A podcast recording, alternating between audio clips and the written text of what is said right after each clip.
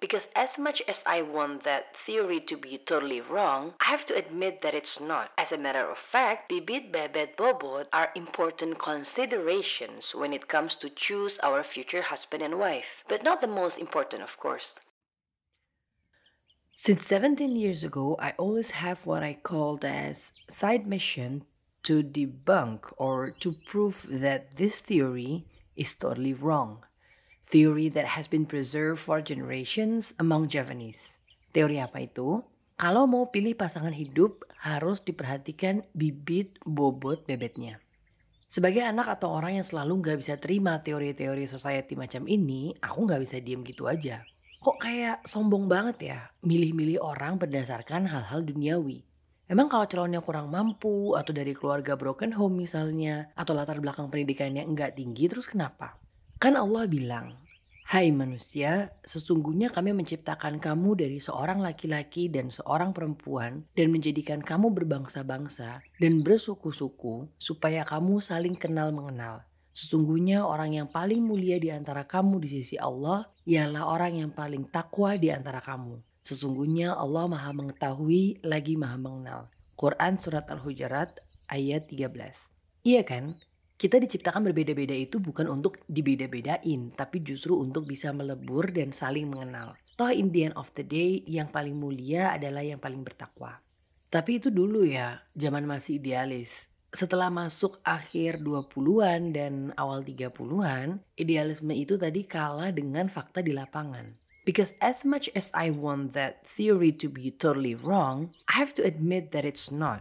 As a matter of fact, bibit, bebet, bobot are important considerations when it comes to choose our future husband and wife. But not the most important of course.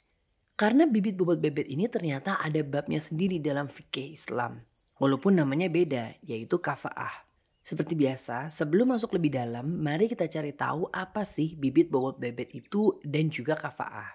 Bibit adalah cara melihat seseorang yang ditinjau melalui garis keturunannya. Bebet adalah cara melihat orang yang ditinjau melalui dengan siapa saja mereka bergaul dan bagaimana pergaulan yang diikutinya dalam keseharian.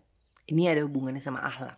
Sedangkan bobot adalah cara melihat seseorang yang ditinjau melalui materi atau segi keduniawian lainnya.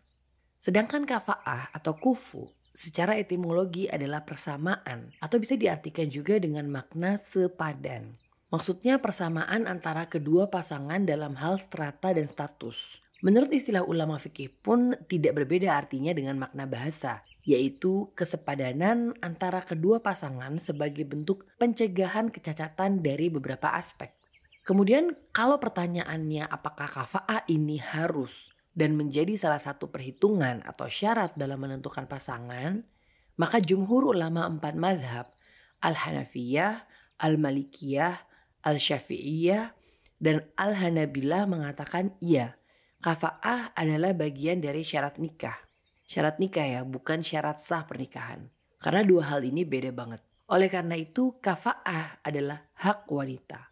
Maksudnya sangat boleh untuk wanita menetapkan syarat kafa'ah atau kufu tadi pada lelaki yang akan melamar.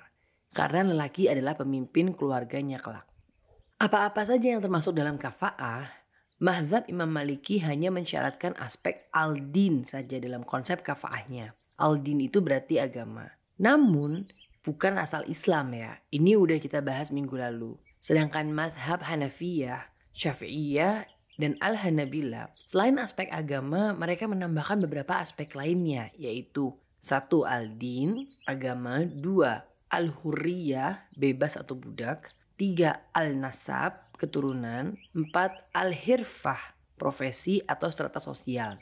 Tapi poin kedua nggak akan kita bahas karena ya udah nggak ada lagi perbudakan yang legal di dunia sekarang. Artikel tadi aku ambil dari umma.id. Tapi aku sangat-sangat menyarankan untuk cari tahu tentang bab kafaah ini di almanhaj.or.id, muslim.or.id, dan kajian guru-guru kami hafizahumullah di YouTube tentang kesepadanan dalam memilih pasangan hidup. Karena informasinya cukup banyak sedangkan durasi monologku terbatas. Bedanya kafa'ah dan prinsip jawab kuno tadi cuma di bagian agamanya aja. Selebihnya mah hampir sama. Jadi sampai sini udah mulai paham ya kenapa aku merasa bibit bobot bebet tadi nggak sepenuhnya salah. akan jadi sepenuhnya salah kalau dalam memilih pasangan hanya mementingkan tiga hal itu tanpa memandang agamanya sama sekali. Ya yang penting KTP-nya Islam aja gitu, udah. Nah sekarang kita terjun ke lapangan. Semua argumentasi yang akan aku sampaikan ini sifatnya subjektif ya. Karena hanya berdasar dari apa yang aku lihat, aku dengar, dan aku alami sendiri. Jadi nggak bisa dipukul rata atau pasti semuanya begitu ceritanya. Kembali ke apa yang aku dengar, aku lihat, dan aku alami sendiri, bibit bebet bobot itu sangat berpengaruh dalam rumah tangga. Disclaimer dulu ya, di sini aku nggak sedang menghakimi siapa yang lebih baik dan lebih buruk, karena masing-masing pasti punya kelebihan serta kekurangan. Aku cuma memaparkan fakta sependek apa yang terlihat oleh mataku. Untuk bibit misalnya, anak yang broken home dan yang enggak itu pasti beda. Lingkungannya beda, trauma yang didapat juga beda, cara mereka menghadapi hidup juga pasti beda. Trauma yang membedakan itu jenis luka batinnya ya situasi yang cukup sering terjadi adalah anak yang dibesarkan oleh keluarga broken home itu bilang, ah gitu aja kok down sih. Udahlah gak usah ribet, gini aja gitu aja. Sedangkan anak yang keluarganya utuh merasa, kok kamu nyepelein mentalku sih? Biarin dong aku down dulu, baru setelah tenang aku akan coba cari solusinya. Nah kebayang gak sih kalau kejadian ini berulang terus setiap kali menghadapi masalah dalam rumah tangga? Untuk bebet, ini yang menyangkut akhlak dan karakter ya. Well, it goes without saying perempuan-perempuan yang keji untuk laki-laki yang keji, dan laki-laki yang keji untuk perempuan-perempuan yang keji pula. Sedangkan perempuan-perempuan yang baik untuk laki-laki yang baik, dan laki-laki yang baik untuk perempuan-perempuan yang baik pula. Quran Surat An-Nur ayat 26. Untuk bobot, Nah yang terakhir ini paling ultimate sih benernya latar belakang sosial dan ekonomi. Sosial ini aku ambil dari segi latar belakang pendidikan ya. It's based on my experience. And to be honest, I actually hate to admit this, but it's kind of undeniable. Aku tuh punya prinsip gini ya, akan selalu ada hal yang aku nggak tahu, yang kamu tahu, dan yang kamu nggak tahu, yang aku tahu. Jadi mau aku lulusan luar negeri atau lulusan S1 atau S2 sangat tidak menjamin aku lebih pinter dari yang cuma lulusan SMA. Tapi setelah beberapa kali mencoba diskusi dengan orang yang berbeda-beda, ternyata emang nggak bisa nemuin titik temu. Karena cara kita memandang sesuatu tuh udah beda banget. Bukan berarti aku lebih pintar, tapi ya emang beda aja. Masing-masing dengan kelebihan dan kekurangannya. Untuk bertukar pengetahuan sih nggak masalah ya, tapi untuk menjalani hidup pernikahan nggak akan bisa ketemu. Kalau masalah ekonomi sih udah nggak perlu penjelasan lah ya. Cara gampangnya gini, uang 10 juta di mata kita rakyat jelata pasti beda sama 10 juta di mata miliuner. Sekarang gimana kalau sederhana menurut sang suami adalah setiap hari makan tahu sama tempe. Tapi sederhana menurut sang istri adalah setiap hari makan ayam.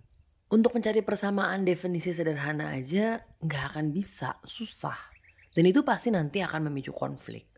Aku bonusin monolog ini dengan potongan kajian yang diunggah oleh akun Instagram Ustadz Nuzul Zikri in case some of you missed my Sunday Insta Stories. Assalamualaikum warahmatullahi wabarakatuh.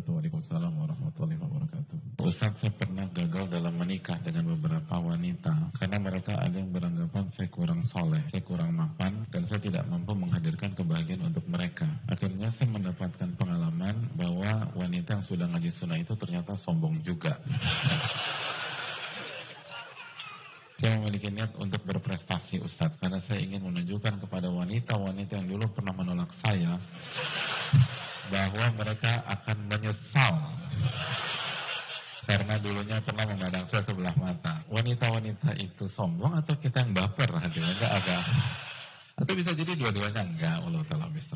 Yang pertama, sombong itu baparul haq wa nas, menolak kebenaran dan meremehkan manusia. Yang kedua, di dalam ilmu fikih ada bab tafa'ah, bab kesetaraan. Dan ulama menjelaskan bahwa hendaknya seorang laki-laki, lebih tepatnya calon suami, levelnya itu setara dengan calon istrinya, syukur-syukur bisa lebih. Kurang direkomendasikan jika kualitas calon suami di bawah istri dalam beberapa aspek. Kalau dipaksakan bagaimana suami di bawah level sang istri, pernikahannya sah selama suaminya masih muslim, tetapi kurang direkomendasikan karena cukup rentan, bukan hanya berhadapan dengan istri, tapi juga keluarga istri. Karena pernikahan adalah menggabungkan berapa keluarga hadirin? Empat keluarga kita aja dua, keluarga ayah kita, keluarga ibu kita. Islam tuh ingin dan para ulama fikih kita ingin gap itu benar-benar diminimalisir agar peluang berhasilnya semakin besar atau margin of failnya itu benar-benar diperkecil agar peluang sakinah mawadah warahmahnya itu jadi lebih besar. Nah karena suami yang menjadi pemimpin maka sangat rentan jika dalam beberapa aspek suami di bawah istri. Berbeda kalau sebaliknya apabila yang dipimpin dalam beberapa aspek itu di bawah wajar namanya juga dipimpin dan wanita punya hak untuk menetapkan itu. Sebagaimana kalau mereka menerima yang lebih di bawah mereka itu hak mereka. Menggabungkan dua kultur itu nggak mudah. Menggabungkan dua kebiasaan itu sulit. Ada kasus perceraian, wanitanya sudah belajar. Masalah cuma simpel. Ketika proses, suaminya udah bilang nih, saya hidup sederhana. Kamu siap nggak hidup sederhana? Kata wanitanya, siap. Dan mereka nggak memperinci apa tafsir hidup sederhana. Maka ketika mereka menikah, ternyata tafsir hidup sederhana versi suaminya dan tafsir hidup sederhana versi istrinya tuh beda. Versi hidup sederhana istri itu setiap hari makan ayam sederhana. Versi sederhana menurut suami tiap hari tempe itu aja udah khilaf gitu. So, ini ini kejadiannya serius. Akhirnya membuat mereka tinggal berbeda rumah dan akhirnya cerai. Masing-masing sudah punya pola bertahun-tahun. Ingat sebagaimana kata para ulama, merubah pola tahunan itu nggak mudah. Kalau misalnya kita maju ke pihak yang sudah sesuai, terus mereka nuntut terlalu berlebihan, dan sampai mereka meremehkan kita, nah mungkin mereka bisa jatuh ke dalam sifat yang sombong. Dan kalaupun mereka sombong, kita nggak perlu membuktikan apa pun kepada mereka, biar mereka nyesal. Pentingnya apa mereka nyesal? Berarti kita salah orientasi nih. Kita niat tuh mau ngapain sih? Mau menunjukkan bahwa istri kita adalah wanita paling beruntung sedunia karena mendapatkan kita. Dan wanita menolak kita, wanita yang paling sengsara sedunia. Buat apa kayak gitu hadirin? Kata Ibn Ruslan dalam Az-Zubat. Pernikahan itu disunahkan untuk orang yang butuh. Butuh pendamping untuk bisa bertakwa dan selamat masuk ke surga Allah Subhanahu wa taala. Dan untuk bisa menjadi orang bertakwa dan masuk ke surga Allah, kita harus jadi orang yang ikhlas dan orang yang ittiba mengikuti Nabi Nabi SAW. Dan orang yang ikhlas nggak peduli kata orang. Selama dia mencari ridho Allah Taala.